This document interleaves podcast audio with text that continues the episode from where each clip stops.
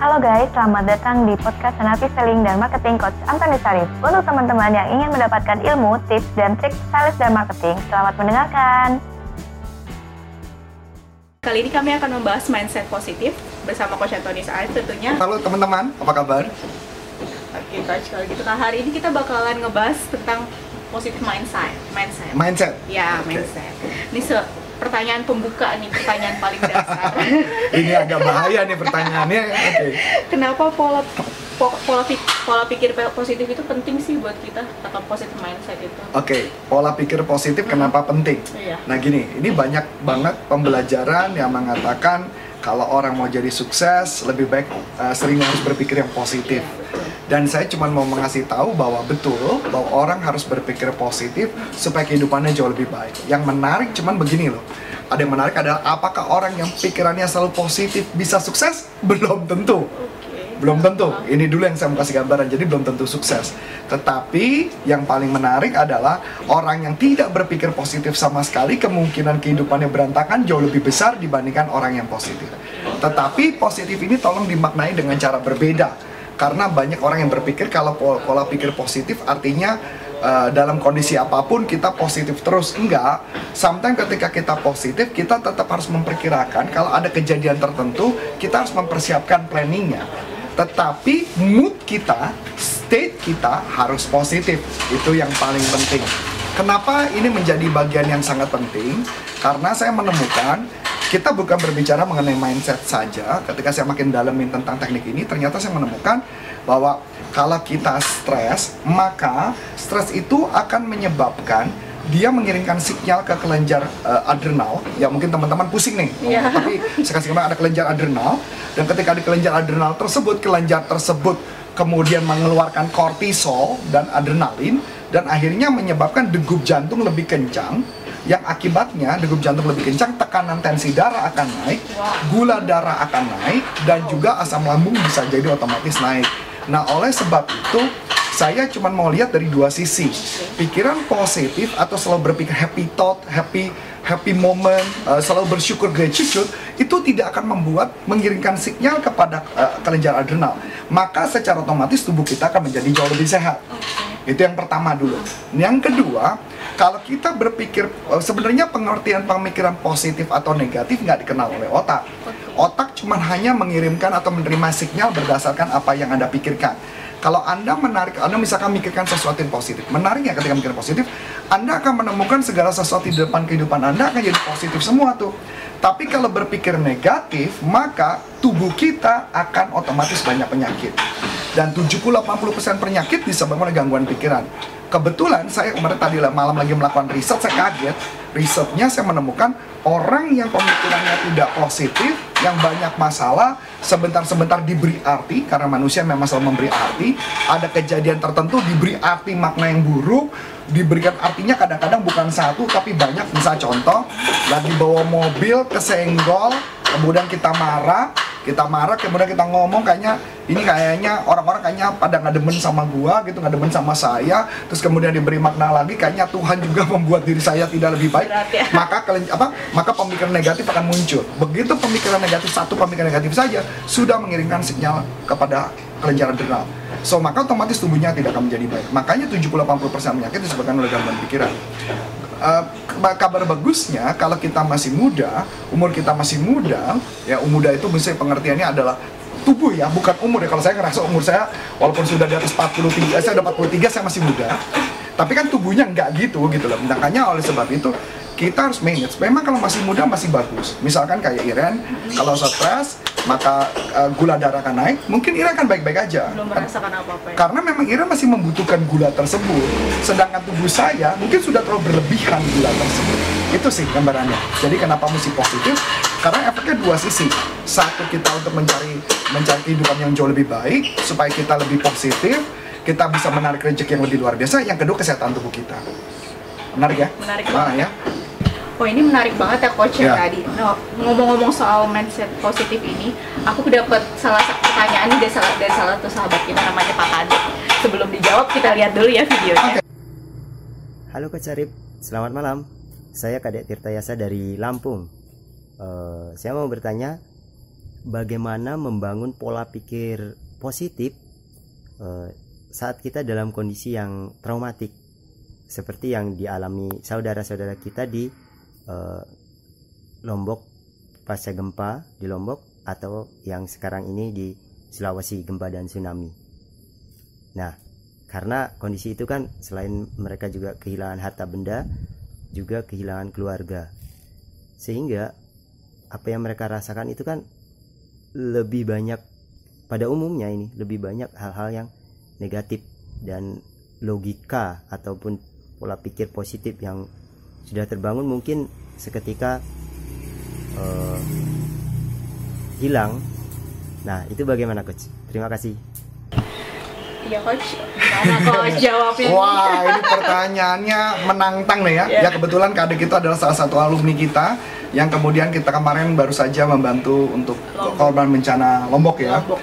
Yes, saya cuma kasih gambaran begini. Memang kondisi di Lombok atau kondisi yang sekarang di Palu, kebetulan keluarga istri saya juga kena. Di sana ada lima keluarga istri saya, tapi eh, puji Tuhan mereka berhasil selamat walaupun satu ada dekat pantai. Walaupun memang mertuanya sempat eh, bukan sempat eh, mertuanya meninggal karena karena bencana tersebut.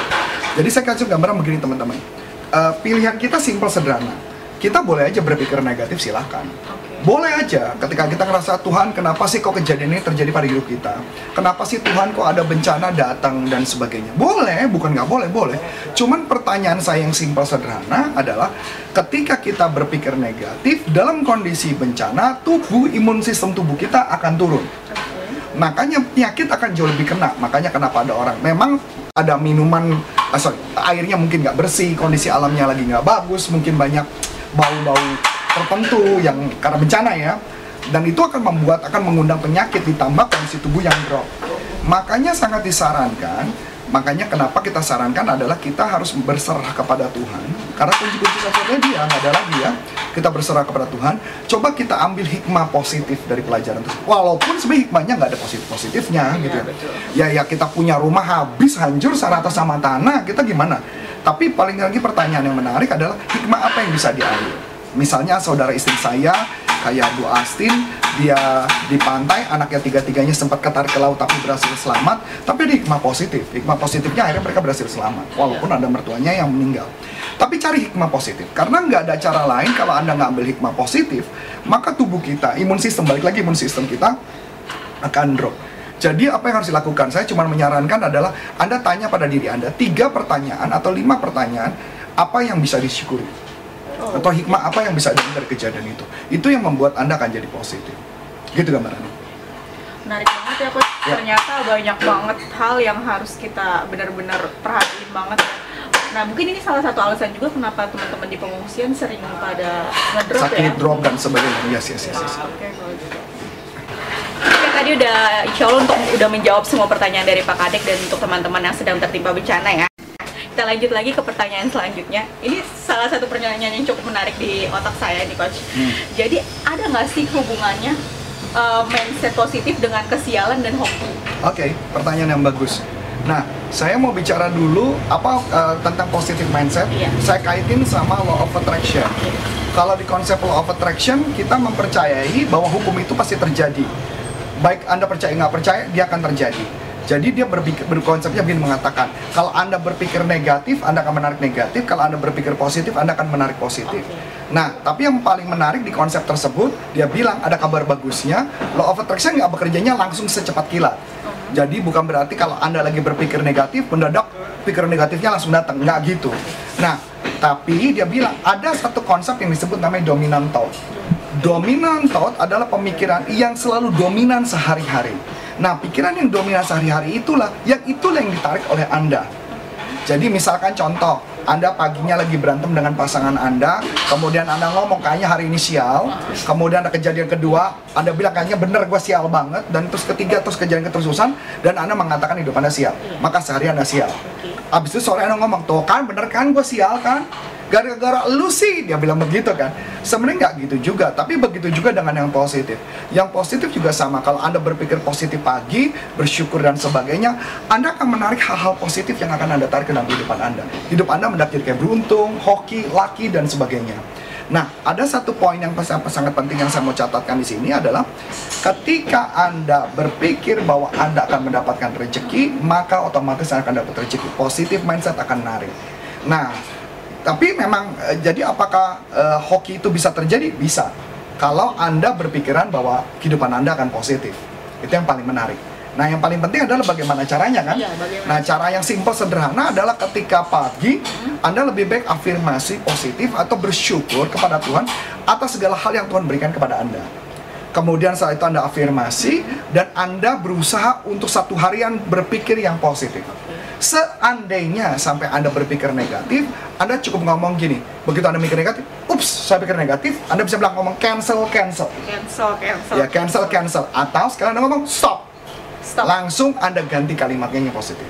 Saya cuma ngomong, kok tapi kehidupan negatif nggak mungkin bisa dihindari dong. Yes, betul. Saya ambil contoh, kayak kemarin mobil saya, baru saja siang saya lihat mobilnya kacanya pecah depan. Kalau saya berpikirnya negatif, misalkan contoh ya, ini nih pasti pecah nih gara-gara. Nah, Ah, akhirnya pemikiran saya jadi negatif. Jadi lebih baik apa yang saya lakukan, saya tidak menarik yang negatif, saya diemin saja, tidak memberi arti apa pun. Dan juga saya nggak perlu chatting ke siapa-siapa ngomong siapa yang pecah kaca saya. Nggak perlu juga kan? Satu komplek. Ah, yang nggak penting juga buat saya. Toh yang itu yang terjadi kan saya tambah bete. Iya. Dan itu nggak akan membawa faedah buat saya sih. Jadi saya berpikir untuk lebih memutuskan untuk tidak mengambil keputusan apa pun dan saya jalani kehidupan saya. Mantap sekali.